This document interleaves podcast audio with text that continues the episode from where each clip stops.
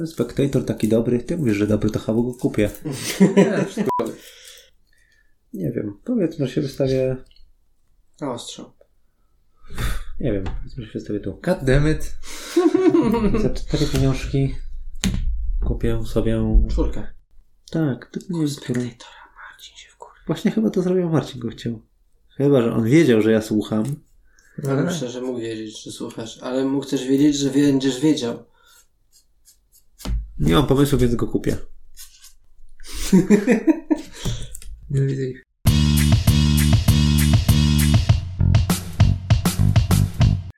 Cześć, z tej strony Malarz Marian. I kurdys. i witamy w nowym odcinku w imię zasad, w którym będziemy sobie rozmawiać o grze Tyrants of the Underdark, zwani też Tyrani Underdarku. Nie tyranci. Znaczy wiesz co, niektórzy myśleli, że to jest żart w tym Tyrani Underdarku, ale tak było nawet to zakomunikowane, a potem się okazało, że niby na pudełku i w instrukcji zostało zmienione, a w polskiej wersji na planszy dalej jest, bo zostało przegapione. I to nie był żart. ale do wykonania jeszcze przejdziemy. My gramy od razu, mówię, na wersji angielskiej, a w wykonaniu, do wykonania sobie przejdziemy na sam koniec. Czym się różni ta gra? Czym się wyróżnia? Czym jest ta gra? Czym jest ta gra? To jest The Building. Na Ale z planszą. I z żołnierzykami. Z silną negatywną interakcją. Tak. I z nawalaniem się i z kontrolą e, obszarów. Bo tam ja mam wrażenie, że to, się, to jest bardziej negatywna interakcja z dodatkami planszy i deck buildingu. No, W sumie tak. Tak, jakby się zastanowić nad akcentami, to tak. Deck building jest tutaj tylko formą stworzenia tej negatywnej interakcji i, i walki na planszy. tak, ta gra w zasadzie nie musiała być deckbuildingowa, ona mogłaby być jakakolwiek inna. Tak. Jakby esencja to jest ta mapa to właśnie wjeżdżanie sobie tymi szpiegami, przejmowanie przewag Mhm. i tak dalej, area control. Mm, No dobra, jak wam to działa, że deck building i plansza? Bo temat, temat deck buildingu jest szeroki. Ja mam takie ogólne, ogólny pogląd, że deck building się raczej sprawdza do gier mniejszych. Z kilku powodów. Przede wszystkim z losowości tego e, mechanizmu. Mm, Może mm, mniejszych, może inaczej, krótszych. Takich, które jesteś w stanie zamknąć 30-40 minut, a to jest gra, w którą zamykasz dwie godziny. I takich, w których deck nie będzie gigantyczny, bo zaczyna nie działać po prostu.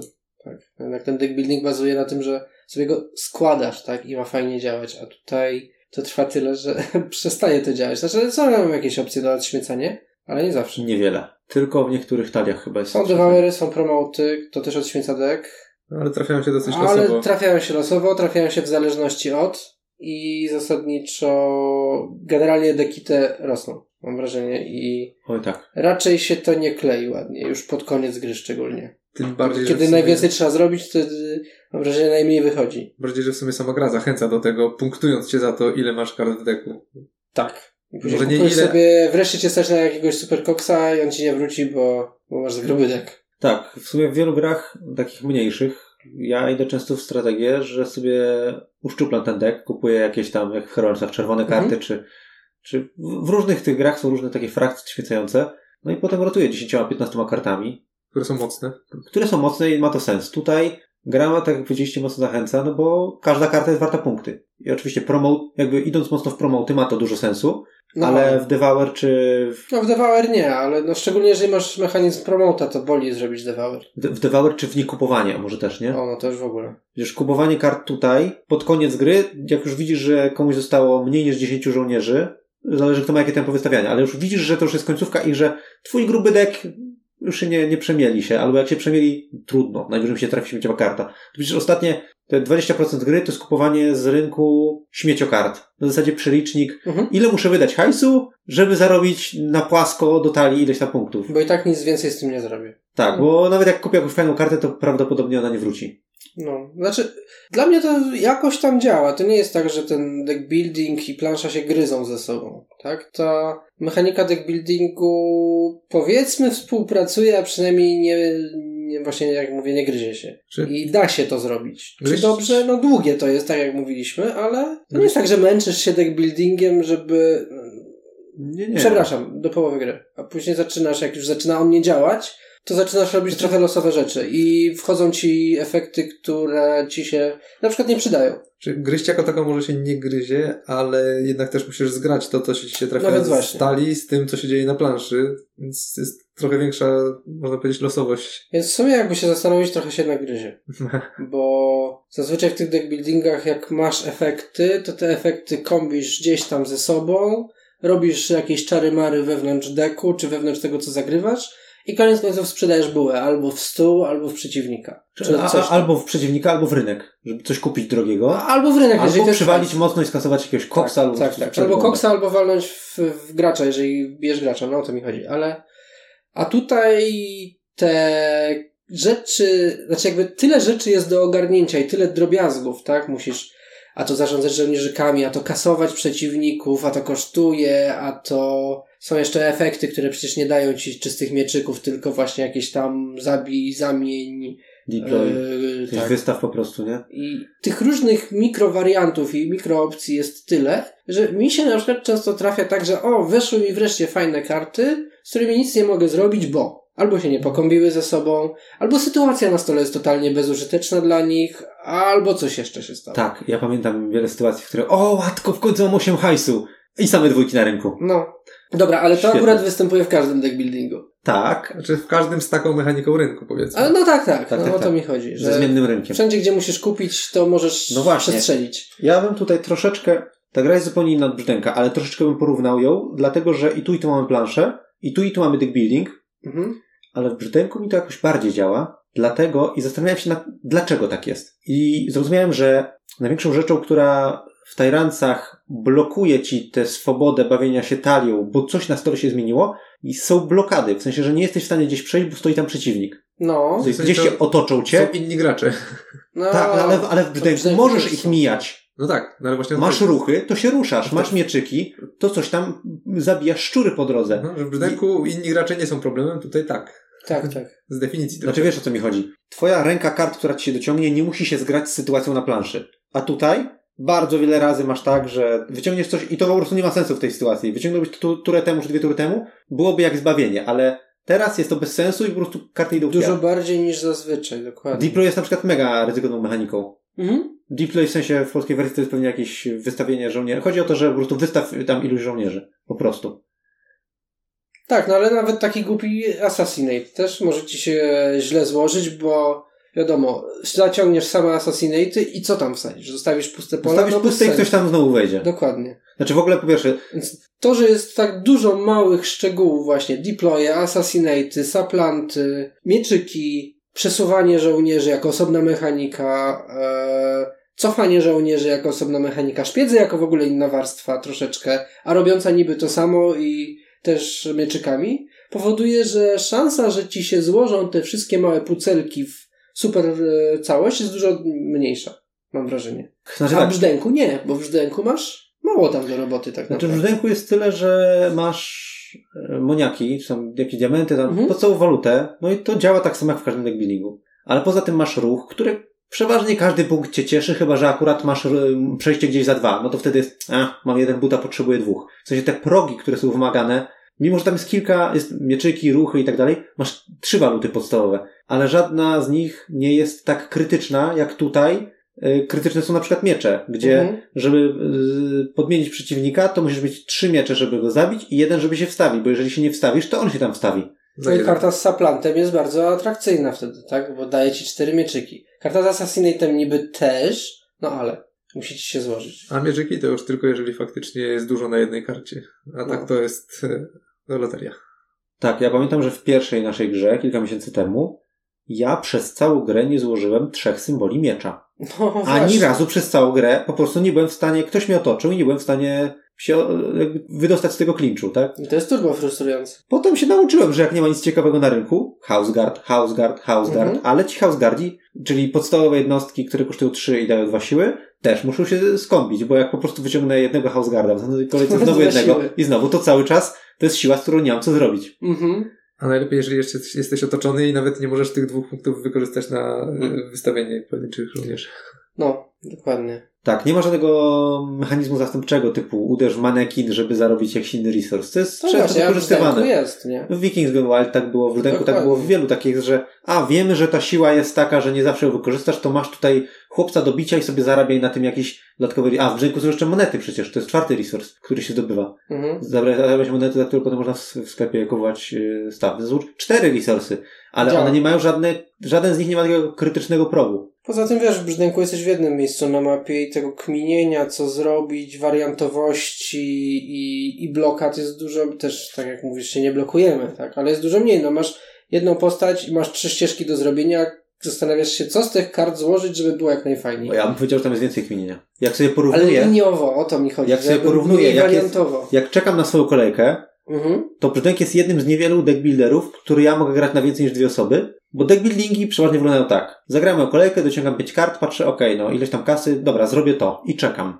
Mhm. Patrzę na rękę, patrzę na mapę i ja wiem, tutaj na przykład mapa się może zmienić, ale to wtedy jedyne co mam, a dobra, miałem plan, to teraz muszę go zmienić. Mm, No tak. ale jakby przeważnie deckbuilding to jest czekanie na moją kolejkę, bo mam to na ręku, widzę, mam tyle resursu takiego, tyle takiego, czekam. A w Brzdęku akurat jest tak, że tam, aha, albo pójdę tędy, albo pójdę tędy, a może przy okazji te mieczyki na to wykorzystam. W tej grze, tak jak w większości deckbuildingów, niestety ja nie, znaczy, jasne, mam wiele możliwości, czy zaatakuję w tym miejscu przeciwników, czy tutaj, czy tutaj rozwalę szpiega. Mam dużo opcji, ale sensownych ja osobiście, y, jakby czekając na moją kolejkę, widzę ze dwie, trzy, Mhm. że tu jest y, takie ważne rzeczy, muszę odepchnąć, przepchnąć, obronić, y, zabezpieczyć. No tak, tych potencjalnych opcji jest dużo więcej. Ja tu widzę kompletnie inny problem. Nie, że jest mało opcji, tylko raczej to, że zanim kolejka wróci do ciebie, to plansza może się tak zmienić, że wszystko, co sobie zaplanujesz na początku, nie ma już kompletnie sensu. I musisz de facto zaczekać na dojście twojej kolejki, żeby w ogóle zacząć planować.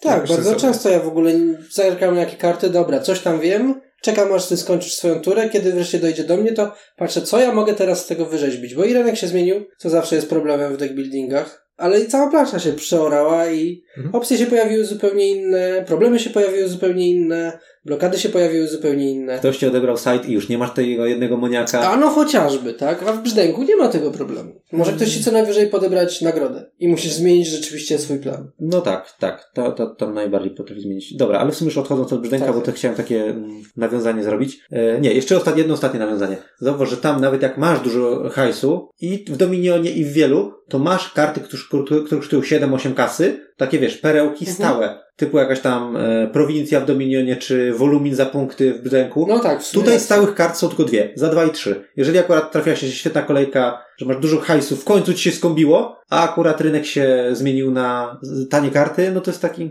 no dobra, kupuję dwójkę. No tak, trochę jak w Herremce. Dobra, znowu kupuję dwójkę. I w tym momencie wyszła szóstka, a ty już masz pięć. Mm, no. no to jest też dodatkowy ból jeszcze. To jest jeden problem rynku. Drugi ru- problem rynku jest taki, że w tej grze niestety trafiają się czasem karty śmieciowe, których nikt nie chce kupić. Oj tak. I to jest częsty problem e, deckbuildingów, które mają zmienną pulę kart, a nie mają mechanizmu, że co jakiś czas karta wypada. I tu tak samo, przecież teraz przez połowę gry leżały dwa Grimlocki i dwa jakieś smoki. Sześć miejsc jest na rynku, tak? A my Mhm. mieliśmy cztery karty, których nikt nie chce kupić i w końcu ktoś mówi, dobra, wezmę to, żeby się odśmiecił rynek. Plus ona miała odśmiecanie rynku. Nikt jej nie chciał, bo miała odśmiecanie rynku. Po co komu odśmiecanie rynku? Ale jak wezmę, to będę mógł odśmiecić rynek i to też trochę przepchnę, tylko że kto się na to No, zdecyduje. zrobisz to dla dobra ogółu, nie? Dokładnie. Skoro i tak przegram, to mogę, nie? Będziecie się lepiej bawić. To wiesz. Albo śmieciowy rynek, który się zapycha, albo druga rzecz. Też mieliśmy przecież taką sytuację, że wszystko było tak drogie, że nas nie było stać. Albo pół rynku było takie, że w zasadzie Tak, Nie są było co kupić. ósemki. I zostały I, dwie i co karty. Zrobisz? No może się kiedyś doczłapiesz do tego hajsu. Koniec końców się doczłapaliście i rozbiliście ten rynek, ale, no, ale to jest tak, to jest ból w dwie strony. No tak, ale tak podkreślmy, to nie jest ból jedynie tej gry, Mhm. to jest ból wszystkich deckbuildingów ze zmiennym rynkiem. I nie odpadającym. Znaczy nie, I nie, tak, i nie kasującym, tak, nie, czysz, nie samoczyszczącym się, no. E, dobra, ale wspominałeś w ogóle o tych e, mno, mnogości mechanik. No, Bo ta gra ma w sumie dwa podstawowe resursy. Pierwszym są pajęczynki, czyli kasa, drugim są mieczyki, czyli atak. tak, za pajęczynki dużo nie zrobisz, bo możesz kupić i tyle. I to jest akurat proste. I fajne. No, za mieczyki możesz się albo wystawiać, albo zabijać. Ale to, co Tak. chciałem powiedzieć, to jest to, że ja zawsze jak widzę deck building, który ma więcej niż jeden podstawowy resource, to już mi się zapala czerwona lampka, czy to nie będzie schrzanione. Czyli Mhm. jak właśnie powiedzieliśmy, tak. Dobrze, tak, zobaczcie. tak, tak. Ale to właśnie wszystko zależy od tych progów, nie? Tak, brzeg E, wyszedł, dobrze. Tak, i w sumie już to omówiliśmy, jak to tutaj wygląda, że tutaj przeważnie ten próg ataku to jest cztery, żeby miał po to, żeby zniszczyć przeciwnika i jeszcze wejść na jego miejsce. Nie masz czterech, takie podstawowe na, narzędzie ci odpada, żeby wypchnąć kogoś i wejść na jego miejsce. Tak, szczególnie jak tutaj tylu szpiegów lata, bo gdyby nie było szpiegów, to możesz sobie gdzieś tam zaplecze zabezpieczyć, zdjąć w jednej turze, w drugiej się dostawić. No ale nie, wiadomo, że jak ty zostawisz puste pole, najpewniej ktoś złośliwie się tam wbije szpiegiem i tyle z tego. Tak, właśnie najgorzej jest jak już jesteś sam na polu. Jesteś sam, dobra, mam te trzy siły, dobra, wyczyszczę sobie jedno pole, w następnej turze może mi się trafi żołnierz. A Mhm. ktoś w tym momencie, okej, wchodzę szpiegiem i wcho- wchodzę w to miejsce. Dokładnie. Okej, no co kto lubi. Mnie, mnie to nie pasuje. Efekt jest taki, że albo potrzebujesz bardzo dużo mieczyków, albo ratujesz się właśnie tymi mechanikami dodatkowymi, które niby zapewniają ci podobne rzeczy, ale usztywniają cię mocno i się powoduje, że to się mniej kombi. No ale oprócz tych mieczykowych, y, znaczy tych jakby zastępujących mieczyki mechanik, których jest sporo różnych wariantów, przecież mamy różnych innych mechanik dużo, tak? Typu, no dzisiaj na przykład nagraliśmy, było bardzo dużo mechanik, przeciwnik odrzuca kartę, tak? jak coś tam. No sobie rację Eee, akurat. Tak, całe wystawianie i cofanie szpiegów, które działa niby podobnie, bo. Znaczy, żeby wystawić szpiega, musisz mieć kartę szpiega, tak? Kolejna mini mechanika. Są w takim razie też na cofanie szpiegów, na coś tam, na. Mieczykami możesz ich cofać. Kolejna rzecz, na którą możesz mieczyki zmarnować. do brzegu, no, bo jestem ciekaw, do czego Eee, zmierzasz. Że nie tylko w mieczykach i w zastępowaniu mieczyków jest tak dużo y, mechanik, tylko są też poboczne mechaniki właśnie. Devaury, promoty. Też czasem miałem tak, że miałem jakieś fajne karty, które promotują i trafiły mi się na takiej ręce, na której nie chcę nic promotować. I ból. Bo to jest początek na przykład gry, a tu są fajne karty. No na początku gry to masz dużo śmieci akurat. No, ale mogło Chyba nie akurat, że wyciągnąłeś te pięć, które... Czasem mi się zdarzało tak, że akurat mi się pięć, ja mam dużo śmieci i to bym chciał Tak. odśmiecać, a mam pięć fajnych i muszę coś Też spromotować. miałem I smutek. sytuację. No dobra, ale jak, jak, jaki z tego wyciągasz wniosek? Jest, jest dużo mechanik, to Że wiemy. jest, tak, jest dużo mechanik, które się e, z jednej strony się. E, Trafiają się losowo na rynku. a no właśnie, bo to jest jeszcze jedna Ale rzecz. czy któraś z nich twoim zdaniem jest taka kluczowa, że to, że to jest ból, że ona się trafia losowo na rynku? Promoty. Promoty. Tak. Bo zazwyczaj Promoty, ich tak. brakuje, zazwyczaj szybko schodzą, bo każdy je chce. Chyba, że jest naprawdę jakaś wyjątkowo słaba z tym karta, ale to nawet i tak czasem warto się poświęcić, żeby po prostu móc, moż, mie, mieć możliwość w ogóle odśmiecania się. To jest jednak zbyt, zbyt rzadkie yy, w naturalnych. Promoty, czyli przełożenie karty z zagranych do wewnętrznego okręgu, tak? Mhm. Weźmy, bie- bierzmy pod uwagę, że ta gra miała niedawno polską premierę, więc dobrze jest też Próbować. przy angielskich keywordach mówić o co nam chodzi, dla jasności, nie? tak. E, E, no, I mówią taka- moim zdaniem też wszelkie devour, w sensie wszelkie mechanizmy, które uszczuplają ci deck, nie? Bo to nie tylko promote robi. Tak, tak. No tylko, że promote to robi w atrakcyjny sposób, bo zarabiasz na tym Tak. jeszcze. A Devour, czyli nie wiem jak to się nazywa po To nie polskiemu. pożarcie, no. Może. E, wywala ci po prostu z deku kartę. I no, to jest taki w sumie trochę bieda odśmiecanie w tej wersji gry. Znaczy w tej wersji deck buildingu. Co jest takie, że nie ma na rynku i znaczy, że, że boli, że wychodzi losowo na rynku? Bo moim zdaniem jest taka jedna mechanika. Znaczy wiesz, na, jest- na pewno fakt, że szpiedzy wychodzą losowo i że na przykład ktoś może zgarnąć szpiegów, a później przez pół gry nie ma szpiegów i ten trzeci nie ma, czy ten drugi nie ma. Trzeci, no właśnie chodzi mi o szpiegów. Mieliśmy taką jedną grę dwuosobową z, z Marcinem, że ja wykupiłem wszystkich szpiegów i po prostu go otoczyłem. No. Był odcięty i bunkrowałem się. I jak jeszcze nie trafią ci I się... to było nieporozumienie. No. Jak ci się nie trafią żadne karty na o, wyrzuć szpiega, to musisz ciułać te mieczyki. Tylko po to, żeby ktoś zaraz tam wrócił. Żart. Mnie się wydaje, że szpiegowie powinni być podstawą mechaniką, w sensie powinien być też deck szpiegów, których kupujesz powiedzmy za, karta za cztery, wystaw szpiega, albo zabierz O. szpiega, żeby zarobić jeden. Cokolwiek. Ale bazowy szpieg. Nie wiem za ile. Ale moim zdaniem tego brakuje w podstawowej puli kart, bo to jest moim zdaniem zbyt bazowa mechanika. Jak na to, ile ona potrafi zmienić. No. Wyłączasz komuś y, total control, nie punktuje.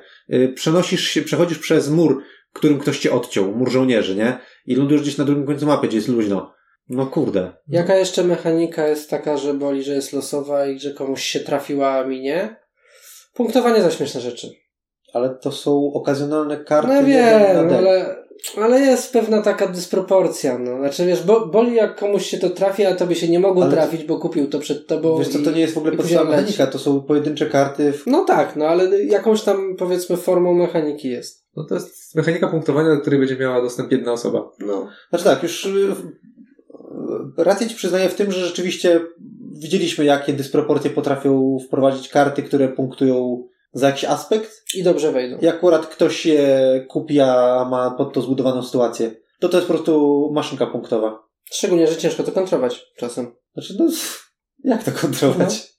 No, trzeba byłoby się wbijać w ciebie po prostu i... Tak, to też zależy jaka maszyna Zależy. punktowa. Jak Tu za akurat była taka, że karty- teoretycznie mogliśmy. karty w wewnętrznym kręgu nie skontrujesz. Nie, za, zabity, za zabite fragi nie nie skontrujesz. skontrujesz. Tylko za Total Control z Czerwonego Smoka, który dzisiaj widzieliśmy. To, ale to też cholernie ciężko skontrować. Szczególnie, jeżeli dobrze ci podejdzie pod to deck.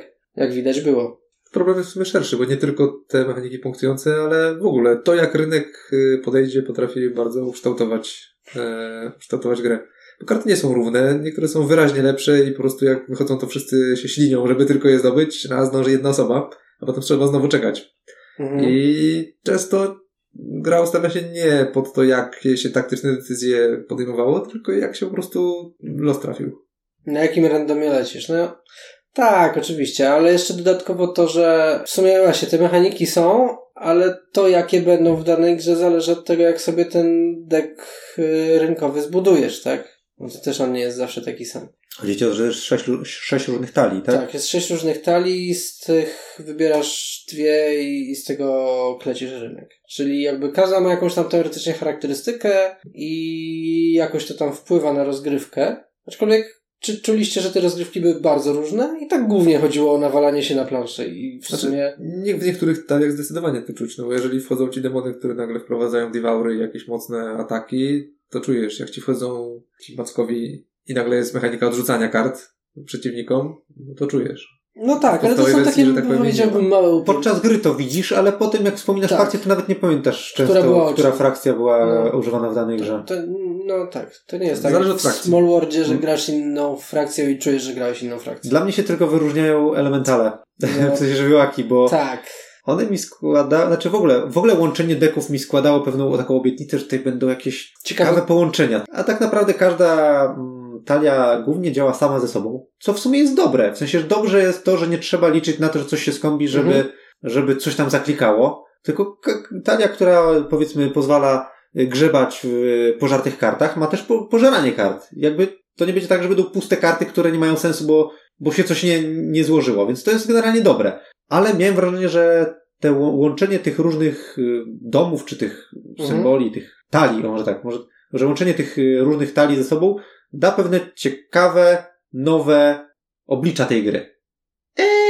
Tak, tutaj to trochę działa jakbyś miał dwa sloty na DLC-ki albo dwa sloty na jakieś tam bonusy i włączasz, na które dzisiaj będę grał DLC-ki. Tak, no. I tyle. Które mini zasady mi dojdą. No, tak no, naprawdę. dokładnie. To w ogóle jest gra w składanie obietnic, mam wrażenie. Dużo, znaczy mi przynajmniej dużo obietnic składała, w ogóle to właśnie mówiłeś o elementalach. Tak, Tam mo- też są powiedzieć o tych elementalach. No. Elementale to jest dla mnie chyba najbardziej losowy czynnik tej gry. To są karty, które mają tę mechanikę fokusa. Masz jakiś efekt i masz na przykład drugi efekt, który działa tylko jeżeli zagrałeś lub pokażesz z ręki, że masz drugi symbol taki sam. Yy, Jednego, jeden z czterech symboli, którymi są oznaczone karty. No to się zdarza w deckbuildingach, nie? I to działa zazwyczaj w nich. Że kombi ci Że się ten sam się na jeden kolor. Mhm. I przeważnie jakoś ma sens to budowanie się na ten kolor. Ale tutaj mnogość tego, co dana karta ze sobą niesie, czyli że po pierwsze musi być cię na nią stać. No standard.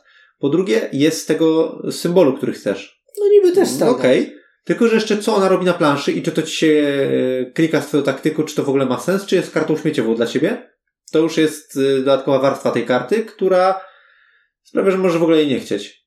I jak w innych deckbuildingach z tym czymś mam wrażenie, że wiem co robię i idę w dany kolor. Tak, chcę sobie budować na zielone, bo one się fajnie kombią i je lubię. I to wychodzi zazwyczaj i one się rzeczywiście kombią.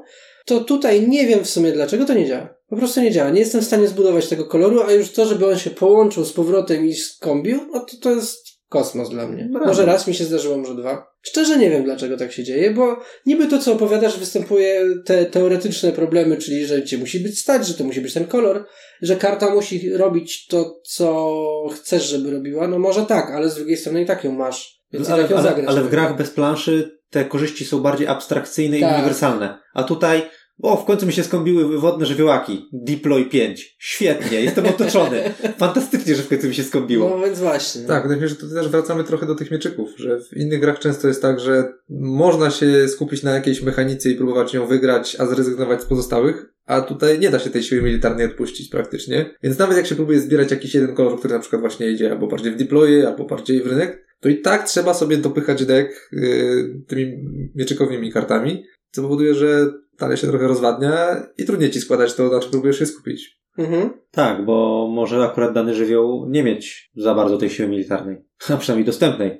Patrzysz, kurde, wyszła świetna karta ognista z siłą militarną, która jeszcze coś tam robi. Kurde, biorę, bo jest mega dobra, tak? W porównaniu na przykład do Houseguarda czy do innych, które są na rynku. No i już nie idziesz w ten kolor, tak? Mhm. W sensie ta, ta, takie decyzje występują w każdej turze, przez co tak naprawdę kupujesz bardzo często losowe symbole. Bardzo często nie opłaca się wobec tych żywiołaków kupować po prostu pod symbol. No i to po prostu przy jeszcze braku takiego podstawowego, solidnego odśmiecania talii, żeby jakoś sobie wyczyścić to i tak wyklarować ten kolor, ten symbol, no to sprawia, że te żywiołaki po prostu nie działają za dobrze. Mhm. Bo Zwykle opłaca się bardziej wziąć trochę słabszą od nich kartę, która zawsze działa, niż żywiołaka. No. No. My w ogóle przy okazji żywiołaków stwierdziliśmy, że sprawdzimy rozkład kart i tutaj może podzielę się pewnymi informacjami. Mhm. Bo zrobiliśmy sobie rozpiskę każdego, mm, każdej z sześciu talii, czyli drołów, smoków, żywiołaków, aberracji, demonów i nieumarłych. I takie ciekawe wnioski. Po pierwsze, okazuje się, że w każdej z tych talii jest dokładnie 10 kart y, z Ambition, Conquest, Guile i Malice. W sensie z tych czterech symboli. Mhm. Czyli niby fajnie. Y, czyli bardzo fajnie. W sensie dobrze, sensownie. Żywiołaki dzięki temu mają sensowne kombosy z każdą. Ale w tych żywiołakach pamię- przypominam jeszcze, że są karty, które Tutaj w ogóle jest osobny temat. Tam są karty takich lordów żywiołaków, które, które kosztują po 5 i one działają w ten sposób, że możesz kupić, w momencie jak zagrasz te karty, to przy okazji możesz zdobyć z rynku za darmo kartę z tym samym symbolem, w sensie Ambition, Conquest, Guile albo Malice, która kosztuje 3 lub mniej. Niby dobra rzecz, bo ci się kombi do koloru. Niby tak, Czy tylko że, mniej. tylko że szansa, no. tylko że szansa na to, że taka karta wyjdzie jest nikła. Znaczy w praktyce nam to jakoś nie działa. A jak jeszcze przeciwnicy wiedzą, że masz tego lorda i patrzą, o, karta za trzy z tego domu, on za jakiś czas ją pewnie zdobędzie za darmo, a w sumie nie jest zła, to ja ją wezmę, żeby on nie dostał za darmo. E, to jeszcze przy takim zachowaniu ta, ta, takie karty są prawdopodobnie bezużyteczne, przynajmniej ten ich as- aspekt. Sprawdziliśmy sobie więc, y, jak to w ogóle wygląda, że na przykład może jak grasz żywiołaki plus drogi, albo żywiołaki plus smoki, to może bardziej się opłaca iść w Guile, albo bardziej w Ambition, bo może droły mają dużo Ambition. W sensie chodzi mi o karty za 3 lub mniej, nie? Mhm. No bo to, że mają dokładnie po 10 to już wiemy, więc tutaj żywiołaki działają dobrze. E, Natomiast, że mm, aspekt tego, że może jakieś karty są tanie, okazało się, że ta rozbieżność istnieje i na przykład y, demony takich tanich kart mają w sumie w tych czterech y, domach, tych czterech y, rodzajach, czyli Ambition, Conquest, Guile, Malice, tylko 16 takich tanich. Mhm. Natomiast droły mają ich najwięcej, bo 24.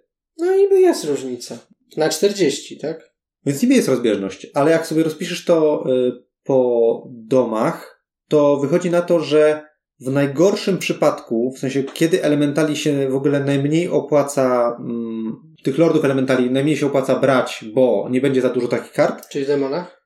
y, już ci mówię, najgorszy przypadek dla elementali jest w, y, w połączeniu na przykład z demonami y, w Gailu, albo z dragonami w Malis, albo z aberracjami, czy no, generalnie najgorsze case'y to jest wtedy, to jest wtedy, kiedy takich kart, takich darmoszek jest 14 w sumie w całej talii 80 kart, a najlepsza sytuacja w ogóle Mhm. jest wtedy, kiedy takich kart jest łącznie 17 na 80. Mech. Rozbieżność mała, więc dobrze, że nie ma tu jakiejś tak. dysproporcji, że ktoś tu sobie przeanalizuje, będzie jakaś przewaga, ale zobacz to w ogóle skalę tego wszystkiego. Kupisz takiego Lorda Żywiołaków i masz łącznie przez całą grę, przez całe 80 kart, a my tego deku przetapiamy może z połowę przez całą grę i masz łącznie 17 kart, które być może wyjdą przed twoją kolejką i I być przed może kupie... po kupieniu go. akurat jak on ci wyjdzie na ręce, akurat taka karta będzie dostępna.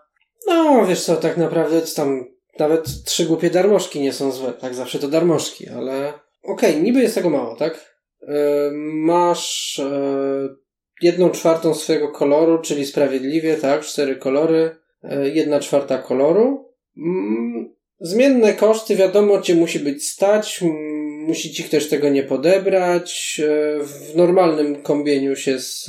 e, I muszą ci wrócić na ręce, to, to, to, to jak w każdym deckbuildingu, w którym się łączą kolory. A tu jeszcze dodatkowo masz darmożki w swoim kolorze, co powinno zwiększyć pulę danego koloru na twoim ręku, czy tam w twoim deku. Więc niby wszystkie te rzeczy są albo podobne jak w innych e, deckbuildingach z łączeniem kolorów, czy tam z kombieniem kolorów, a nawet lepsze, bo masz e, jeszcze dodatkowego, dodatkową tą darmożkę, boostującą ci ten kolor. Dlaczego tu nie działa to? Dlatego, nie że... wiem, z argumentów twoich wynika, że powinno. Kurka nie działa Z, z jakich moich argumentów y, mówi, że powinno? Ja właśnie mówię, że to strasznie mało kart jest, jeśli, jeżeli chodzi o wykupywanie przez tych elementali, lordów elementali, wykupywanie darmowych kart, jest nikła szansa na to, a deck, jak ustaliliśmy, coraz bardziej rośnie z grą, więc szansa na skopienie kart jest coraz mniejsza. Prawdopodobnie ten brak odśmiecenia tutaj zabija to, bo to, że tych e, kart, które elementale wykopują jest mało, to i tak jest ich więcej niż w grach, które nie mają darmówki. Więc to jest zawsze jakiś dla mnie plus. Znaczy tutaj oddzielmy dwie rzeczy. Jedno to jest to, czy karty się kombią, nie kombią się. Drugie, z tych lordów elementali jest jakaś szansa na kupienie mm, karty darmożki? Nikła. Więc skoro jest nikła, to ona nie wnosi za dużo do tego, że karty się nie mają za dużej szansy skopić. Nie wnosi, ale jeżeli cokolwiek nawet mini, to na plus, a nie na minus. No tak, ale nie. No, A reszta jest podobna jak w innych deckbuildingach. I to mnie dziwi, tak? Reszta jest podobna jak w innych deckbuildingach, plus jeszcze nawet mini, ale bonus, który powinien pomóc tworzyć jeden kolor. Znaczy bonus, jeżeli go wykupisz, bo to jest jedna karta w każdym Tak, żywiole. tak, jeżeli, jeżeli go wykupisz, ale potencjalnie jest bonus, więc to powinno być tak samo z mini plusem. A jest dużo gorzej. To się nie klei tutaj zupełnie. Jakby nie jestem w stanie sobie jakby przekminić, dlaczego to nie działa. Jak waszym zdaniem reszta deków? Bo mi się wydaje, że reszta jest ok. W sensie one mają jakieś swoje mechanizmy, te mechanizmy działają wewnętrznie wewnątrz tego deku i ma to sens. Mhm. W, w ogóle jeszcze z takich ciekawostek y, z tych sześciu deków, które wyciągnęliśmy, jakie mm, przeliczaliśmy, jest to, że na przykład rozkład mm, szpiegów jest bardzo podobny i to jest około 10. Więc tutaj akurat jest y, z mojej strony plus na to, że rozkład tej kluczowej, moim zdaniem, mechaniki jest podobny we wszystkich dekach. Natomiast inne mechaniki są różnie porozkładane, mniej lub bardziej jest położony na, na różne rzeczy nacisk. Dobra, chwila przerwy, żebym ja zobaczył, czy to były jakieś w ogóle... Mhm. Bo w sumie to, że są suplanty takie czy inne, że jakieś Victory Pointy się nabijają, to w To sumie nie jest znaczenia. tylko... Nie, tu nie ma jakichś istotnych różnic. W ogóle zarabianie Victory Pointów jest tylko u dwa u Dragonów y, i dwa u Undeadów. Takie maszynki punktowe. E, niemożliwe. Widziałem trzy u dragonów.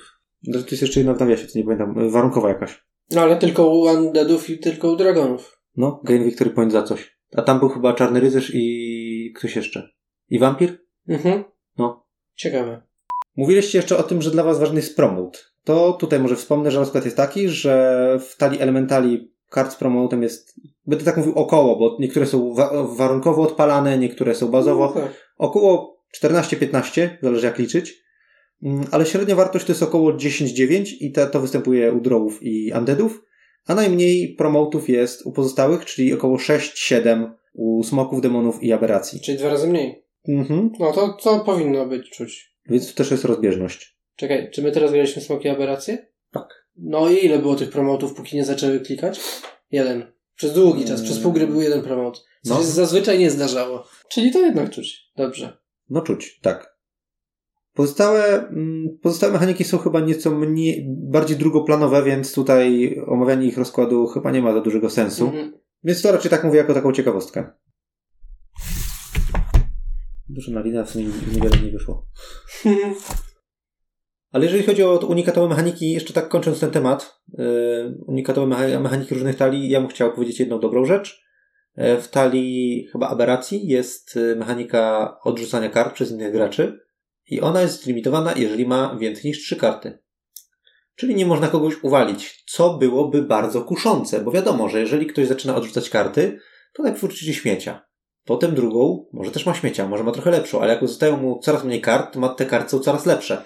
Więc mając 3 czy 4 osoby przy stole, gdyby kilku graczy, czy w ogóle nawet ty masz kilka od, odrzutów, to najbardziej się opłaca już naraz je dowalić Dobić. jednemu graczowi. Bo na pewno ba- bardziej go to zaboli niż to, że drugi gracz odrzuci jeden pieniążek. A tu jest limit. Schodzisz do trzech kart, nadal coś e, wyrzeźbisz. Mm, No i nie. W normalnym deckbuildingu może. W tym, gdzie jesteś tak bardzo uzależniony od tego, czy zbierzesz trzy mieczyki, nawet wywalenie pojedynczej najsłabszej karty potrafi ci rozwalić kolejkę.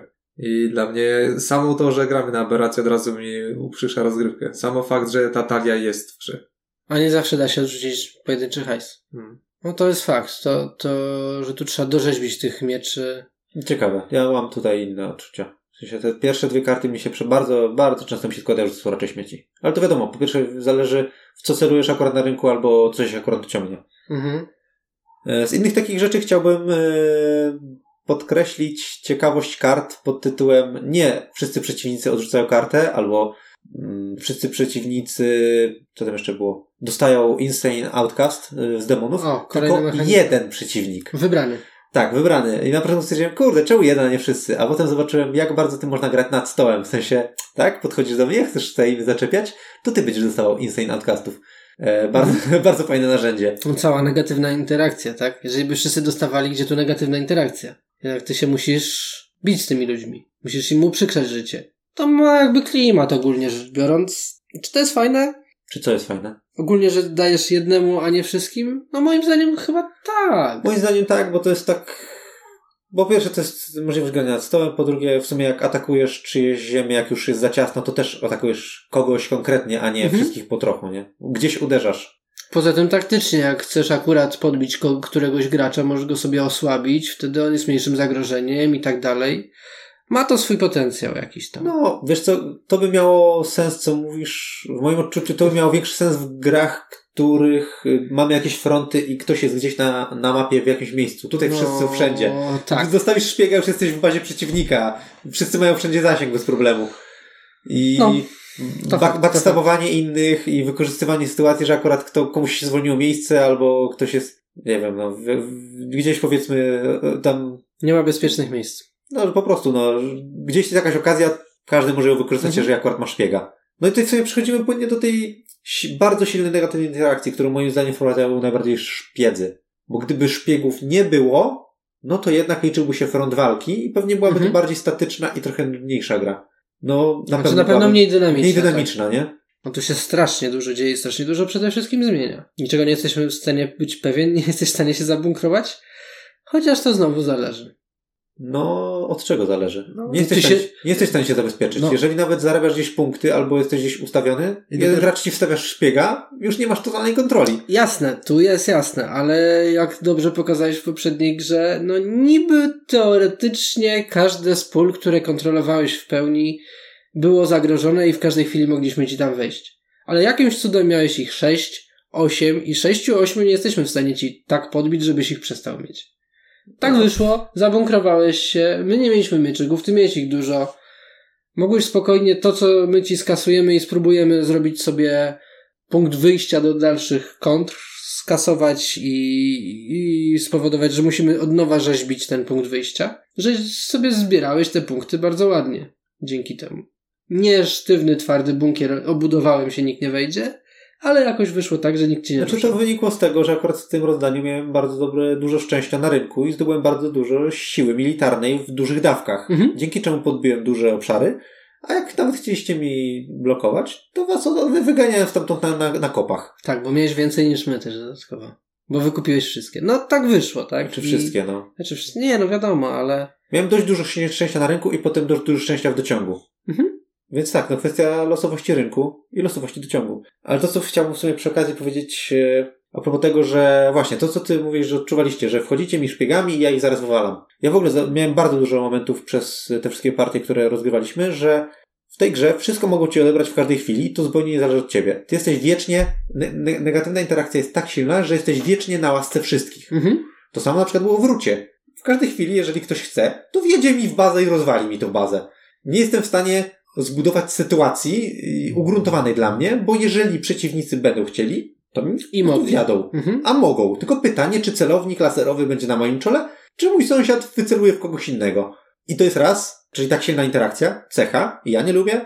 Druga rzecz, nawet jeżeli masz jakąś fajną, nie mówię o takich mega kombosach, jak się na przykład właśnie dzisiaj mi, mi udało zbudować, ale bardzo często jest tak, nie idzie ci za dobrze, ale w pewnym momencie patrzysz, o kurde, skombiły mi się trzy karty razem, to teraz wrzucam szpiega, tu podmieniam, tutaj, po te, te, wjechałem, nie? Odmieniłem sytuację. Gość po tobie, to ja wykładam cztery karty, cofam to wszystko, co przed chwilą zrobiłeś i jeszcze y, przy okazji robię co innego, bo generalnie jego deck jest mocniejszy, a to... Albo skombiło mu się jeszcze lepiej. Mm, Tak. I jakby nawet jak masz taką super kolejkę i coś wyciągniesz, to po chwili ktoś ci po prostu to odbiera i jest takie, a no to super, że miałem. Bo to deckbuildingi to właśnie składają obietnicę, że skombi ci się i zrobić coś fajnego. Tylko, że tutaj to coś fajnego w ogóle nie jest trwałe. Ja wiem, to jest cecha tej gry. Tak. Normalnie byś dziabnął przeciwnika, zabrałbyś mu hapy, on by musiał liczyć na to, że sobie leczeniem to podbije. A tu co? Miałeś pole, nie masz pola. Albo nawet nie porównując do brzęka. W jednej kolejce przebiegasz 7 pól, zgarniasz jakiś super skarb i już gdzieś tam jesteś na wylocie, to teraz twój przeciwnik nie zrobi tak, że cofnie z powrotem, tylko twój przeciwnik też pobiegnie szybko. Oba jesteście do przodu względem reszty, tak? Mhm. Mówię, to jest wszystko cecha negatywnej interakcji. Co kto lubi? No tak, co kto lubi. W zasadzie też w grze ciężko jest wyczuć, kto wygrywa. W sensie czasami widać, że ktoś dominuje, ale Mhm. bardzo często jest tak, że wjeżdżają w ciebie, a ty mówisz, ej, ale przecież tego gościa byłoby lepiej zablokować, nie? W sensie masz takie uczucie, kurde, czemu biją mnie? Ja tu jestem słaby, a oni biją mnie, zamiast lidera bić na przykład, bo nie da się tak łatwo obliczyć, kto będzie miał na końcu ile punktów y, ani z deku, ani z planszy, co jest generalnie spoko z jednej strony, no bo jak mamy tor punktacji, na przykład jak wrócie, no to kurde, no ktoś się wybije, to go ściągają. Też Mhm. bez sensu. I potem, Tak, to jest czy generalnie kilkuosobowe gry, gdzie ludzie mają pulę HP, no bijemy zawsze tego, co ma najwięcej, potem kto, wszyscy mają po 5 HP i kto pierwszy zginie, to jest kwestia ostatniej kolejki. Bez sensu. Tutaj to jest niejawne i to jest spoko. Z drugiej strony często masz takie przeświadczenie, może mieć takie przeświadczenie, że ej, przecież to widać, że ja jestem daleko od zwycięstwa, a mnie tłuką. Ale nie wpłyniesz na przeciwnika, bo to jest jego decyzja, to jest jego kolejka, Mhm. to jest jego plan. Jest takie, czujesz się jak chłopiec do bicia. Ja przynajmniej miałem kilka razy takie momenty. Ta gra się w całości z takich składa, mam wrażenie. No- Tak. Tak, to jest jedno wielkie take that, nie? No dobra, a pierwszy gracz i ostatni gracz. A, no. Co być pierwszym graczem? Szczególnie na koniec. Bo na początku to chyba, no spoko, rozstawiasz się pierwszy, fajnie, chociaż fajnie, nie fajnie, tak, no. To się długo nie utrzymuje. To się po pierwsze, a po drugie, no trzeci też się, czy tam ostatni, no ostatni już ma ciasno już. No tak, W zasadzie ma, ma ograniczone, ale to już te pozycje startowe nie różnią się aż tak diametralnie od siebie. Z każdej da się coś wykroić. Tak, No to że przeważnie to jest tak, że pierwszy gracz się wstawia na jednym końcu, gdzie ma dostęp do jakichś ciekawych rzeczy. Powiedzmy, jeżeli nawet idziemy w te y, miejsca, które zarabiają punkty, nie? Mhm. Powiedzmy, że do nich dążymy. E, Chociaż jak widzieliśmy już po wielu partiach, to nie jest takie proste, że one są takie opłacalne, bo ty też stajesz na świeczniku i w ciebie ciskają szpiegami, cię kontrolują i tak dalej. Ale powiedzmy, powiedzmy, że są takie, wiesz, że ustawiasz się tutaj na przykład na północy między dwoma takimi e, kółeczkami, będziesz do nich dążył. Drugi gracz stwierdza, no nie będę się ustawiał blisko, ustawiam się daleko na południu. I to nie jest kwestia tego, że pierwszy gracz albo drugi e, są uprzywilejowani, bo byli wcześniej, bo wszystko jest w rękach trzeciego gracza, do kogo on się dopcha, czy bliżej tego gościa, czy bliżej tego gościa. I co E, później z tym zrobi? Czy daleko od domu. No. no, ale daleko od dołu powiedzmy, że nie ma nic atrakcyjnego, nie? Więc gdzieś tam ten pierwsze konflikty się zarysują na jakiejś linii, która nie jest zależna ani od pierwszego, ani od drugiego gracza. Mhm. No i też jak ci się te konflikty, gdzie ci się ta linia frontu pojawi? Wiadomo szpiedzy i wiadomo, że ta linia frontu jest chwilowa, ale generalnie póki nie masz szpiegów, no to to jest to takie trochę przepychanie. No to w zależności od tego, gdzie ci się ta linia frontu pojawi, to... Znaczy, zależy to od tego, jaki masz dociąg. Ile miałeś mieczyków i jak daleko mogłeś dojść. Nawet jeżeli się ustawiłeś odpowiednio, no to jeżeli ci nie podejdą mieczyki, no to będziesz bliżej miał tą linię frontu siebie. Znaczy one ci No. wyjdą pr- szybciej lub później po prostu. No tak, i ten twój przeciwnik, z którym chcesz granicę zrobić, będzie bliżej ciebie lub ty będziesz bliżej niego. Zależy komu szybciej podeszły mieczyki. Znowu wrócę do zwykłych deck buildingów. Tam to nie boli, bo nie masz planszy, tak? Nie musisz Mhm. kreślić tych granic. Czyli tutaj nawet kolejność wyciągania Tutaj, tak, tego. tutaj bardziej boli, mam wrażenie, brak mieczyków. Lub Szybsze dociąg. późniejsze ich dociąganie. Mhm, tak. Mhm. No ale... No tak, więc pierwszy gracz nie ma takiego dużego znaczenia, bo też początkowy rynek nie jest jakiś game breaking, że uuu, tutaj nie wiem. Pierwszy gracz początku. to ma dostęp do najfajniejszej karty. Eh. Przynajmniej na początku, bo później dochodzimy do końca gry. Tak, a koniec gry, no chyba tutaj jest trochę inaczej. Tak, tu dobrze jest być ostatnim graczem, bo jak odpalamy koniec gry, to jedziemy kółkiem do ostatniego gracza i koniec. Mhm. I ten ostatni gracz może. Zawsze będzie ostatni. Może jest ostatni, więc nie dba o to, że stawi coś odsłonięte. On już gra na przewagi. Mhm. że tutaj jednego żołnierza mu zbije, więc ja mam przewagę. Co z tego, że jakby miał jeszcze jedną kolejkę, to by tam wjechał na te puste pola na przykład armią. Nie no, było cała masa takich rozgrywek, gdzie w ostatniej turze ostatni gracz po prostu tak zdobywał przewagi, tak tanimi kosztami. Tak, i przy tak dużej negatywnej interakcji powiedzmy, że nie dałoby się zrobić nawet jakiejś sensownej mechaniki, gdzie nie byłoby tego ostatniego gracza, nie? Bo zawsze któryś będzie ostatni, zawsze już po nim nic się nie będzie działo. Ale e, tutaj masz strasznie neg- dużą negatywną interakcję. Te zmiany na planszy są tak duże, że ten ostatni gracz ma, tak jak mówisz, bardzo duże pole do popisu na koniec. Oczywiście, jeżeli doszła mu sensowna ręka. Oczywiście. Ale tutaj mamy sytuację, gdzie wiemy, kto będzie ostatnim graczem i wiemy, kto będzie wygrywał. Znaczy, kto będzie zyskiwał na tym. To też jest takie średnie. Nie masz dodatkowego kółka po zakończeniu gry, tak? Tylko kończysz grę, Znaczy i tak, I by, się, na, i tak by się na kimś skończyło. Chodzi Dlatego po prostu mówię. o to, że ostatnia osoba nie musi się już zostawiać obrony żadnej. Tak. Oczywiście, dlatego mówię, tutaj przy tej negatywnej interakcji tak dużej i przy takiej rotacji, to co widać, i zawsze byłby ten ostatni gracz. Tylko tutaj po pierwsze nie masz tego, jakby koniec gry cię zaskakuje w pewnym momencie, bo Nie. znaczy wiadomo, że on się Ja się zbliża. dzisiaj z tobą dużo nie zgadzam, ale Wiem, no nie. ale wiadomo, że on się zbliża i wiadomo, że będzie, no ale moment, w którym, okej, teraz już jest koniec gry, Mhm. jest momentem, Tak, który nie- jest nie nieprzewidywalny. jest taki jasny. No to Tak, prawda. i w no. tym momencie, od tego momentu dochodzimy do ostatniego gracza. Zawsze nie robimy kółka, żeby każdy jeszcze miał szansę reakcji na ten koniec gry, tylko po prostu kończymy na ostatnim graczu i ten ostatni gracz zawsze będzie tym samym graczem. Zawsze ma okazję do zareagowania, a pozostali Tak. mogą się obudzić już. Tutaj mam wrażenie, że przez tą właśnie rotację dużo bardziej boli, jeszcze dodatkowo. To dodatkowe kółko mogłoby troszeczkę zmienić sytuację. Że dograć do końca i potem jeszcze jedna kolejka? Mhm. Moim Może zdaniem- trochę. moim zdaniem to nie zmieniło. Może, ale... Bo to nie ma znaczenia. Chodzi tylko o to, że jeden z graczy będzie miał ostatnią kolejkę, podczas której zyska pewne przewagi. Jest, będzie to na pewno bardziej korzystna, jeżeli ma oczywiście Nie, no to na pewno, będzie to na pewno. bardziej korzystna kolejka niż gdyby wiedział, że jego przeciwnicy jeszcze zagrają. No tak, ale mm, wydaje mi się, że jakby trochę inne no, decyzje podejmujesz, jak wiesz, że to jest twoja ostatnia tura, niż jak wiesz, że to jest może twoja ostatnia Nie, ja tura. zawsze podejmuję decyzję na podstawie tego, co mam na ręce i wykręcam z tego najwięcej jak mogę. To nie, to nie jest tak, że coś sobie odkładam, czy coś, czy odpalam jakieś cooldowny. No nie, no, rzeźbię z tego, co mi do- dojdzie Okej. i tyle. Nie ma takiego mechanizmu, który pozwoliłby ci się przygotować na No dokładnie. kolejkę. Znaczy, no to jest kwestia decyzji, w którą stronę pójdziesz. Czy zabezpieczysz swoje potrzeby, czy na przykład będziesz realizował taktykę wpieprzę się komuś i się rozrosnę na przykład, tak? No ostatni zawsze może to zrobić. Ale to, jest ale to jest długofalowa strategia. No na przykład dwu, dwukolejkowa, tak? Jakoś tam. Wiadomo, że to może do tego nawet nie dojść, bo się tak zmieni tyle, ale no nie wiem, wydaje mi się, że byłoby jakby takie... Trochę mogłoby to wpłynąć. Jak wam się podoba wykonanie gry? Egzemplarz, na którym graliśmy, czyli wersja angielska. Klimatyczny. Generalnie tak.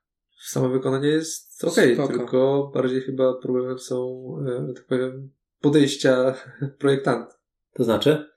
Przede wszystkim dobór kolorów e, dla poszczególnych graczy, to Aha. raz. To, jest- to jest tak. zło. Tutaj się czarny z granatowym bardzo odlewa w angielskiej wersji. A pomarańczowy powiem- z czerwonym też nie odróżnia się jakoś wybitnie. Znaczy, Dla mnie bardzo się odróżnia. znaczy w tym sensie, że jakby bardziej niż tamte dwa pozostałe od siebie, Tak. ale z puli kolorów do wyboru tak całej puli, akurat wybranie ciemnego granatu i czarnego plus czerwonego pomarańczu, no Można są bardziej było- rozróżniające się Można to zrobić lepiej. Tak. To trochę sugeruje jakby granie drużynowe w pewnym sensie. Które nie istnieje w tej grze. Nie, oczywiście. E, tak, od razu powiem, że w polskiej wersji żetony się lepiej od siebie odróżniają.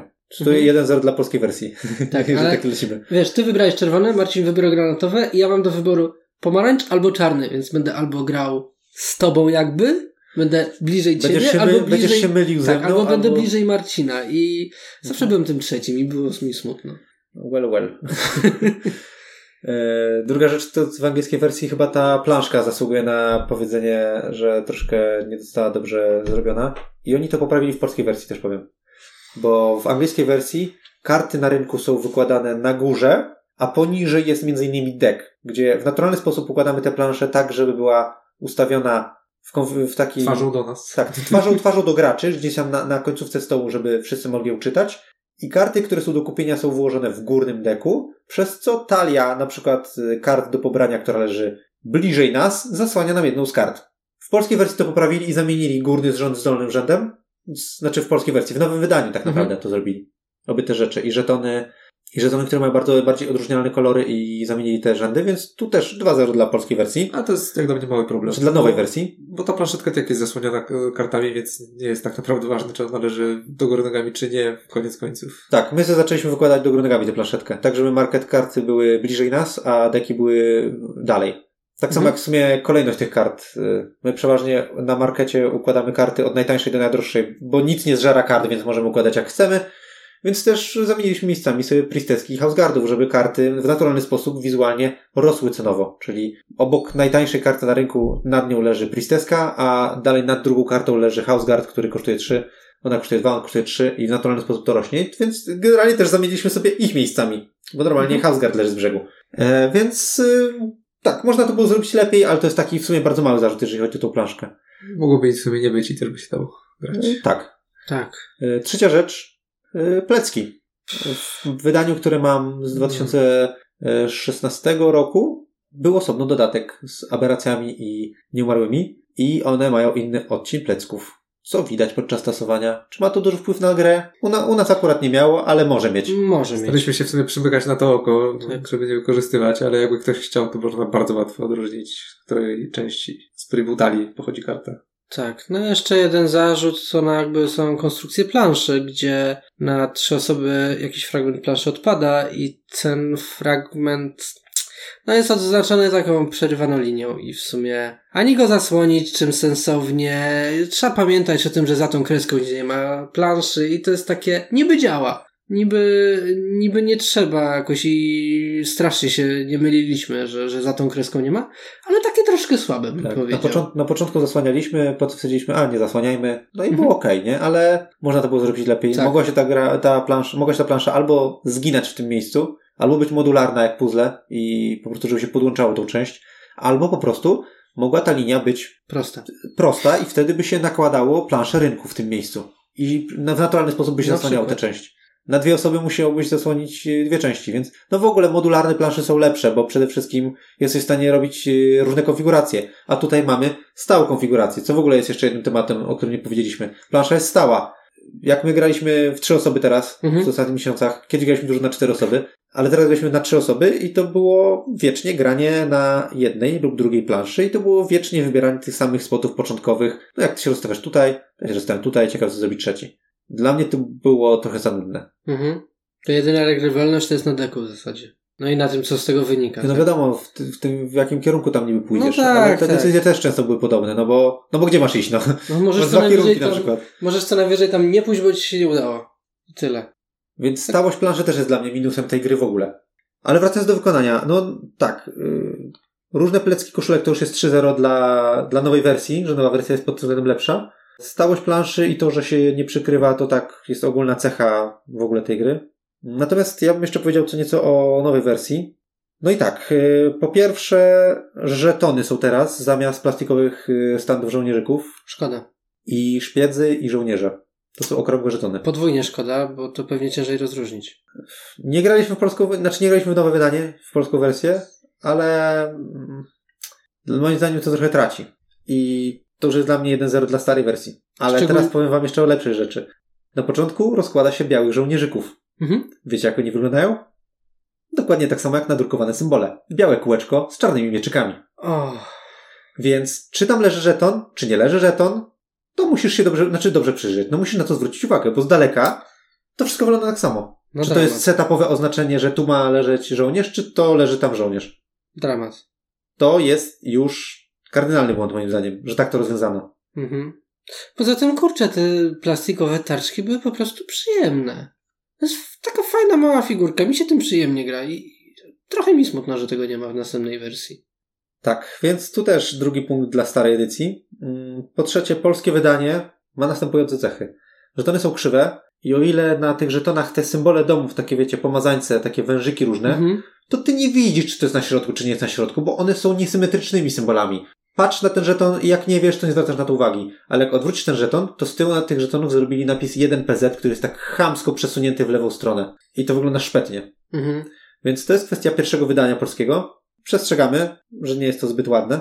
E, Poza tym, co tam jeszcze? Na planszy jest e, zamiast Tyrants of the Underdark jest Tyranny Underdarku, Underdarku, a część miejsc na planszy jest oryginalna, a część jest przetłumaczona. Na przykład Skullport jest jako port czaszek. Skullport to jest nazwa własna, tak samo jak Underdark.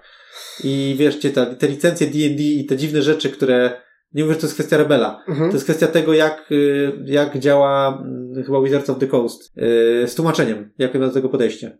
Ale zwracam na to uwagę. Mhm. Jako ciekawostka. I to by było chyba na tyle, jeżeli chodzi o różnice w edycjach. Więc, no cóż, ja nie powiedziałbym, że jakaś, któraś z tych edycji y, wybitnie wygrywa. Ja bym chyba był jednak za starą ze względu na te białe żetony z Mhm. mieczykami. I figurki. Resztę sobie jakoś można poradzić. Aha, i jeszcze ostatni, ostatnia rzecz, jeżeli chodzi o wykonanie tej gry. Notatnik z punktacją ma całe 20 kartek. To też jest trochę żart. W obu edycjach. 20 rozgrywek i do śmieci. Ale o wycieranie gumką. Dobra, powiedzieliśmy chyba wszystko, nie? No i tak. No dobrze, to co? Jakie są wasze wrażenia z tej gry? Ja bym ją chciał polubić. Wiele razy próbowałem, ale koniec końców e, ta negatywna interakcja mnie pokonuje. Plus to, że to niby jest deck building, ale ta mechanika tutaj jednak nie działa. Po pierwsze z powodu losowości, po drugie z powodu tego, że nie bardzo da się tak naprawdę rzeźbić tego deku.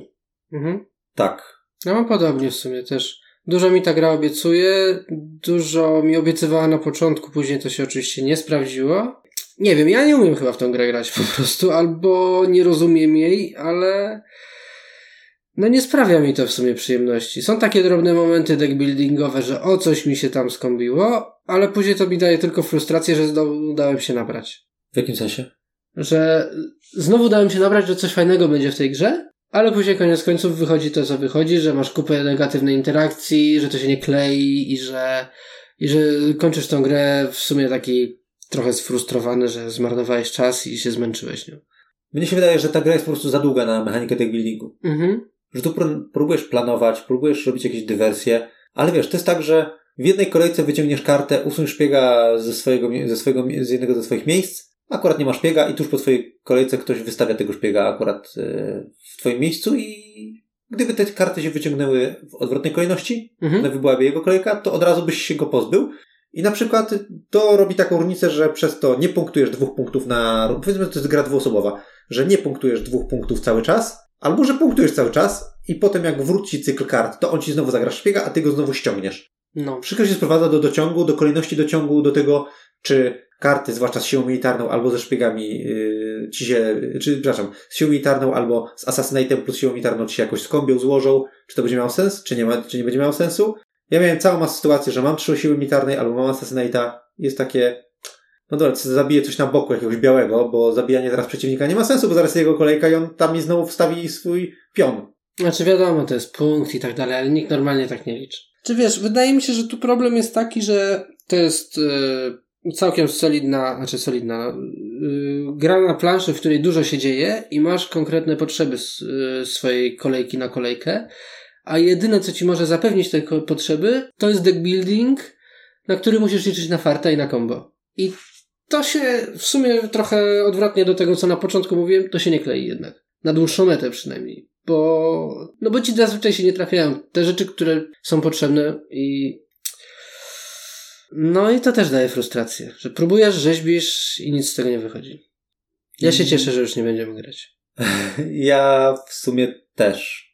Kiedyś jak grałem w tą grę raz na parę miesięcy, to z przyjemnością do niej wracałem, bo po niej bardzo szybko wspomnienia się zacierają. Nawet my teraz jak z tygodnia na tydzień graliśmy. Mhm. e, Na początku. Jeszcze nie pękła ta szklanka, jak to było w How I Met Your Mother, że, że w pewnym momencie pęka filiżanka i zdajesz sobie sprawę i nagle coś zauważasz e, i już od tej pory to widzisz. A i wiesz co, niby tak, ale z drugiej strony dzisiaj jak powiedziałeś zagrajmy, to powiedziałem jasne. Aha. Zatarło mi się już. No. Stwierdziłem spoko. Do tej gry się z radością siada i ze smutkiem wstaje. Dokładnie. I to jest jakby, jest fajnie do pierwszego etapu mam wrażenie, bo to ja trochę tak dzielę tą Do grę. na- jednej trzeciej gdzieś. Do, tak, na trzy etapy. Pierwszy etap, gdzie się rozkręcasz, tam budujesz swoje pozycje, Tak, nic się nie dzieje, zbierasz fajne karty do deku, mając nadzieję, że ci się będą wracać i ratować. A potem wychodzi pierwszy szpieg z marketu. Tak, a potem wychodzi pierwszy sprzęg z marketu, przychodzi do pierwszej konfrontacji, do pierwszej negatywnej interakcji, deki już się zbudowały, zaczynają się dziać poważne rzeczy i widzisz, że dzieją się dziwne rzeczy. Jedna wielka przepychanka. No. Tak. I jest ten cały bajzel w środku chaos, a później po tym chaosie wychodzisz, otrzepujesz się, nie wiesz co się dzieje i próbujesz jakby dorzeźbiać na sam koniec, I nic ostatnie- ci się nie klei. I ostatnie 10-20% to jest dobra, już kupuję cokolwiek, kupuję tak, pristeski. takie domęczanie. Byle tylko nie dawać na, na rynek innym ciekawszych kart, bo ja ich nie chcę, to będę kupię trzy pristeski, bo to jest wszystko dwa hajsu to jeden punkt. Tak, więc pierwsza część jeszcze gdzieś to fajnie zagrajmy w deck building na planszy jest, a później przypominasz sobie o co w tej grze chodzi i właśnie kończysz smutny, że zmarnowałeś dwie godziny. Mhm. Ja, jeżeli w tej grze mi idzie, co się dzieje raz na kilka gier, to bawię się całkiem okej. I w, gdyby każda taka gra, każda partia wyglądała w ten sposób, jakbym zawsze miał dobrą pasę, to bym miał po tej grze wrażenie na truje. Mhm. Ja czasem mogę u kogoś zagrać, ale też ta gra mnie nie urzeka, bo dlaczego ona mnie nie urzeka? Dlaczego nie uważam, że to jest dobra gra dla mnie? Dlatego, że to jest bardzo silna negatywna, negatywna interakcja, która wpływa na mnie, że ja cały czas czuję, że cały czas wszystko mogę, cały czas mogę stracić to, mogę stracić Mhm. tamto i tak dalej i to mi przeszkadza, bo nie jestem fanem negatywnej interakcji. Ale to jest jedna rzecz bardzo indywidualna. Ale to, jak y, ta gra jest przeze mnie odczuwana, kiedy karty nie podchodzą, kiedy rynek mi nie podchodzi, kiedy doczek mi nie podchodzi, kiedy czuję się wgniatany w ziemię i nie jestem w stanie nic z tym zrobić, a tak wygląda przynajmniej połowa mojej, moich partii w tę grę, no to ja nie mam ochoty tracić dwóch godzin czasu na Tyrantsów i dla mnie to jest po prostu dwuja. No właśnie, w normalnych deck buildingach to chociaż pół godziny tylko stracisz. Nie stracisz, bo wtedy gra jest na tyle szybka i na tyle dużo się dzieje w krótkim okresie czasu, że jest to rewarding. Mhm. Poza tym mam wrażenie, że w zwykłych deck buildingach jednak wszyscy bardziej się bawią. Więc nawet, znaczy więcej jest takiego, takiej przyjemności z tego składania, a, a tutaj rzeczywiście, tak jak mówisz, musi ci dobrze podejść, żeby było nieźle. A jak e, ci średnio podejdzie, no to jest kaplica po prostu. Ja nie wiem, jak ją ocenić. Jak ją kończę, to to jest dla mnie dwuja. Jak, zacz... jak mam dłuższy odstęp, to chyba truja. Jak myślisz o powrocie do niej? Tak. Czyli co? Czyli nie zostawiasz jakiejś jednoznacznej oceny. To trzy mniej weźcie. Dobra. Dla mnie. No właśnie, to też jest znowu podobnie, tylko że widząc jak bardzo mnie ta gra bije i krzywdzi podczas gry i moje nadzieje, które mi daje, nie dam jej tej trój. Jakby z premedytacją to będzie dwuja, żeby, żeby nie chcieć, znaczy ja nie chcę do tego wracać po prostu. Na tyle mocno, że mm, nie myślę o wyższej ocenie. Chcę zapomnieć. A taka dobra gra to jest przecież. No jest. Ale, Ale- przez to, że to naprawdę się wydaje dobra gra. Tak. I to jest jeszcze gorsze w tym, Mhm. że za każdym razem gdzieś ci coś próbuje obiecać. I znowu nie dotrzymuje. No. Ty znowu do niego Mówię, wracasz. Nawet jak ktoś lubi negatywną interakcję i lubi te przepychanki, backstaby i take that, znaczy ja, ja lubię to, ale w pewnych grach, a nie w takich, nad którymi siedzę dwie godziny i próbuję coś zbudować i wyrzeźbić. Mhm. Jak ja buduję wieżę z klocków i ktoś podchodzi i ją przewraca, to ja nie widzę sensu grania w gry, w budowanie wieży z klocków i przewracanie innym wieży z klocków. Ja wolę rzucać klockami w innych i cieszyć się, że ktoś dostał w oko. To mnie wtedy cieszy. Zgoda. Ale jak gra mnie zmusza do budowania i podejmowania decyzji strategicznych, a potem ktoś po prostu mi to rozwala, to mi to nie bawi. I to mi po prostu nie bangla. Zgoda.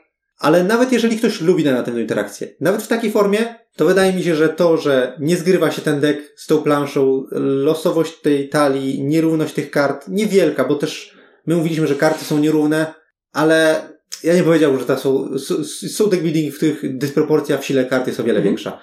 Tu nie ma wielkiej tragedii, ale jest często tak, że te karty są takie średnie, średnie i wychodzi, o, to jest świetna! I od razu znika. Ale zwłaszcza, kiedy masz zbudować jakąś strategię swojej talii pod to, co akurat wychodzi. To wszystko sprawia, że ta gra robi dobre wrażenie, sprawia dobre wrażenie, ale efekt końcowy nie jest dobry. Mhm. Zgadzam się z przedmówcą. Dobrze. Coś jeszcze? Ostatnie słowa? Chyba już wszystko powiedzieli. Pozdrawiam mamę. Twoja mama nas słucha? Nie. to super, to też, ją, to też ją pozdrawiam. Dobrze, to byłoby na tyle. Teraz czas na shitstorm w komentarzach za obrażanie świetnej gry Tyrants of the Underdark. Pozdrawiamy I polecamy się. I polecamy się na przyszłość. Do usłyszenia. Cześć. Hej.